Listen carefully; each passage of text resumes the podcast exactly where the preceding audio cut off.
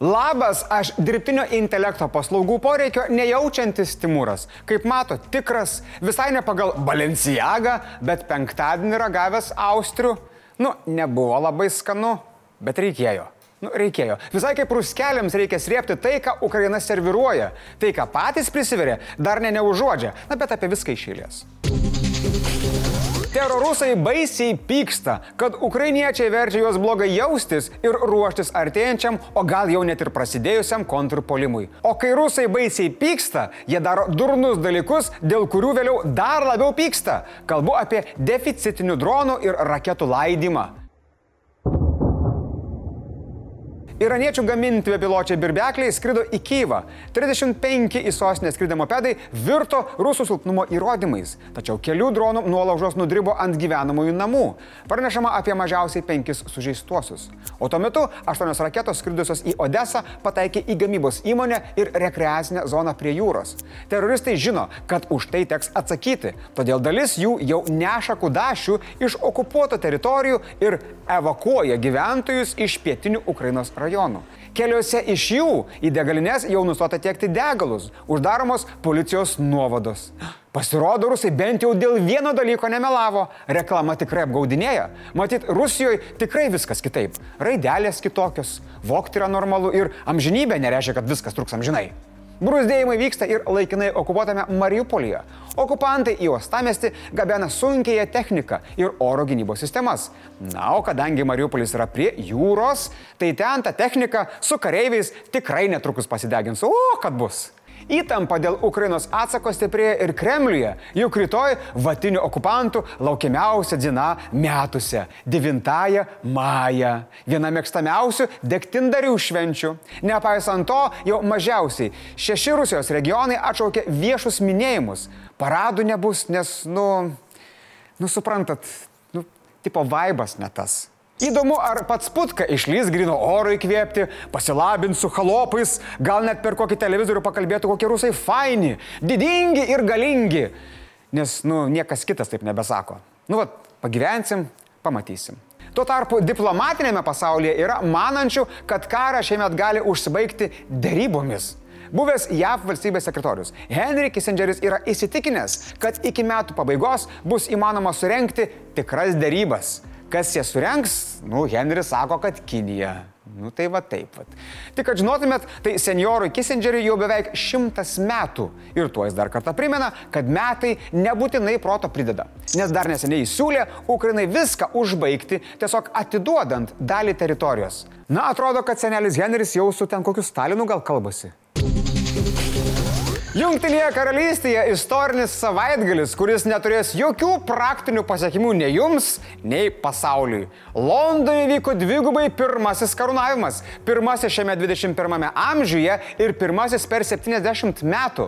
Simbolikos ir pompastikos kupinoje ceremonijoje karūnuotas karalius Karlis III ir karalienė Kamila. Westminsterio abatijoje Kenterberio arkivyskupui karūnavus 74 Karlį jis buvo pasveikintas šūksniais Dieve saugo karalių. 360 metų amžiaus, pagaminta iš 22 karatų aukso, Švento Eduardo karūna buvo dėvima mažiau nei valandą. Ji paskui padėta atgal į saugyklą iki kito monarcho karūnavimo. O vat man tai vienas svarbiausių buvimo karaliumi dalykų būtų tas staipimas su karūna. Realiai tai pusė džiaugsmo dabar atima mane, kad neleidžia dėvėti. Nors atrodo, kad šio karaliaus santykis su karūna, nu toks irgi žinai, komplikuotas. Susidarė įspūdis, kad karūna nenorėjo būti ant galvos ir buvo, nu, priversta per prievartą. Oi, gerai, kad karūna buvo tvirtose kunigėlio rankose, ne? Matosi, kad žino, ką daro. Tik kad suėmė, taip žinai. Tarp 2300 svečių buvo šalių prezidentai, ES aukšto rango vadovai ir pasaulio karališkųjų šeimų atstovai. O taip pat ir mūsų prezidentas. Ne, ne vienas, negalvokit, kad jau galima. Atvyko ir princas Haris, be žmonos Meghan Markle. Pats vienas, nes jam kitaip jau neišeina. Hario vaidmuo karališkoje šeimoje sumažėjo, tad jis buvo nustumtas į trečią eilę. Ha! Jam uždrausta dėvėti karinę uniformą. Va taip vat. Beje, vienos dalies niekas nematė. Karlio III patapimas buvo uždengtas specialiomis širmomis. Galiausiai po ceremonijos karalius su šeima grįžo į Beckingemo rūmus, iš kurių balkono pradžiugino susirinkusiuosius. Pamojavo. Ne vieną kartą.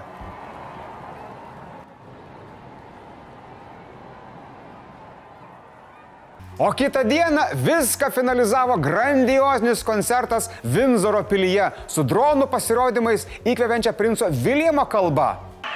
As my grandmother said when she was crowned, coronations are a declaration of our hopes for the future. And I know she's up there, fondly keeping an eye on us, and she'll be a very proud mother. Orkestru ir daugybė garsių atlikėjų. Ir nors karūnavimas tikrąją prasme buvo karališkas, ceremonija buvo kritikuojama. Pirma dėl žvaigždžių trūkumo.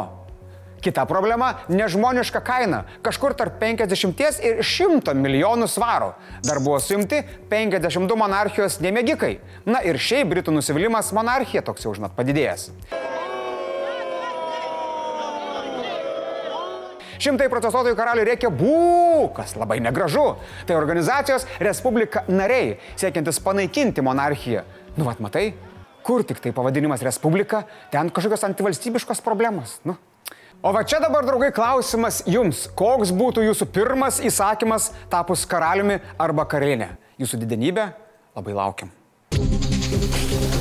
Jeigu jums sunku patikėti, kad galėtumėte būti karaliumi, patikėkite, kad vis dar yra jūrų piratų.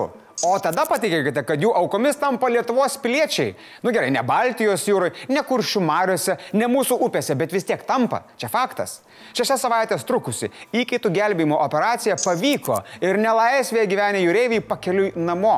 Su Liberijos vėliava plaukiančio laivo Monjas Reformer užpolimas įvyko maždaug 140 jūrmelių į vakarus nuo Ponte Noir kovo 25 dieną. Piratai užgrobė laivą bei įkalino 16 įgulos narių.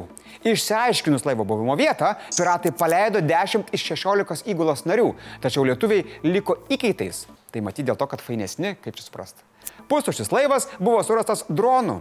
Įkaitai buvo nugabenti į sausumą, kur buvo slaptai laikomi. Kai tik Lietuva apie tai sužinojo, buvo įkurta krizės valdymo grupė. Grupė palaikė nuolatinį ryšį su darybininkais ir su pagrobtųjų artimaisiais. Informacija mm, Lietuvai buvo žinoma nuo kovo pabaigos. Apie sveikatos būklę tiek fizinę, tiek emocinę dar nėra žinių, bet vienas iš jūrininkų susisiekė su sunum. Vyras jau ketino baigti karjerą laivuose. Na, baigė su trenksmu, ne? Turės istoriją, kurią niekas netikės. O kol kas bent sunus išgirdo tėvo balsą, nors ir susijaudinusi, bet gyva. Čia svarbiausia.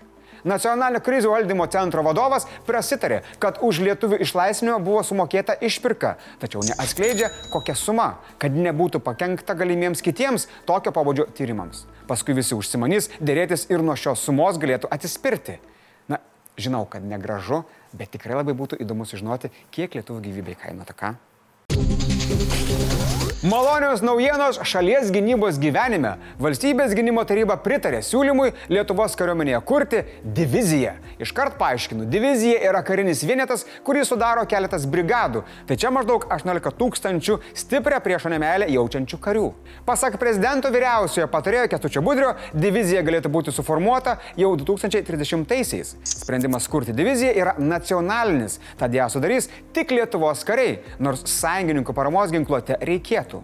Krašto apsaugos ministras Arvidas Anušauskas sako, kad NATO kaip tik yra pažadėjusi tam tikros ginkluotės, kol Lietuva įsigys savo. O dalis mūsų perkamos ginkluotės ir karinės įrangos jau dabar priskiriama divizijos lygmens priemonėms. Tai sprendimas kaip ir priimtas, beliko viską pradėti įgyvendinti. Ir sakoma, kad šia kryptimi jau dirbama. Krašto apsaugos ministro jau paprašyta pateikti skaičiavimus ir poreikių planą, poligoną ir mokymo teritorijų plėtrai. Nauja divizija jau galės naudotis ir naujais specialiais sunkvežimiais. Pasirašyta sutartis dėl specialios paskirties Eirox sunkvežimių su komplektuojamomis dalimis ir sunkvežimių Zetros. Sunkvežimių vertė apie 216 milijonų eurų. Pristatymas planuojamas iki 2030 metų. Nu tai ką? Oi, laukiam, laukiam. Pasitiksim kaip Valujavičių su ažalais ir vainikais ir dainom. Nors gal ne, Valujavičius matyt bus išplaukęs ar išėjęs kažkur. Tai tiesiog pasitiksim. Blitz naujienos. Finansų ministerija siūlo koreguoti mokesčių reformos paketą. Pasak ministrės Gintarės Kasės, taip siekiama sažiningesnės ir labiau subalansuotos mokesčių sistemos. Siūloma keisti efektyvų gyventojų paimų mokesčio tarifą ir ribą, iki kurios visa apiptimi taikomas mokestinis kreditas. Gal galite išversti, ką čia pasakiau? Sveikatos apsaugos ministras Arūnas Dulkys sako, kad legioneliozės protrukis Kauno mieste ir rajone siejamas su garliavos vandens siurblinės rezervuarų plovimo darbais. Kaune užfiksuotas legioneliozės atvejų skaičius yra didžiausias per pastarosius dešimt metų. Merkinės centre dažais aplėtas paminklas partizanų vadui Adolfui Ramanauskui Vanagui. Incidentas greičiausiai įvyko naktį, o kad ateityje vandalizmo aktų būtų išvengta, prie paminklo ketinama įrengti kameras. Anot ministro Anušausko, tai rodo, kad Lietuva susiduria su akivaizdžiai reiškiamu priešiškumu mūsų istoriniams simboliams. Vienvietė irklinė valtimi Atlanto vandenyną įveikusio Aurimo Valajavičiaus žygis yra ryšto ir užsispyrimo įrodymas. Ir priminimas apie lietuvių pasiekimus. Taip kalbėjo su keliautojų susitikęs nausėda. Sekmadienį į Lietuvą grįžęs Aurimas dėkojo už šiltą sutikimą ir sakė, kad dar galėtų plaukti ir plaukti. Bet dabar reikia pailsėti. Gerbėmiai, rytoj Europos diena. Kviečiu rytoj arba ateiti į Rotošės aikštėje vyksiantį minėjimą, arba stebėti tiesioginę Laisvės TV transliaciją pavadinimu Euforija. Pradžia 18 val.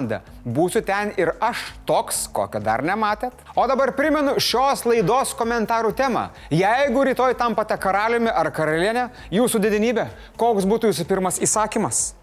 O kol galvosite, štai jums pavyzdys, kaip pasigerinti dieną.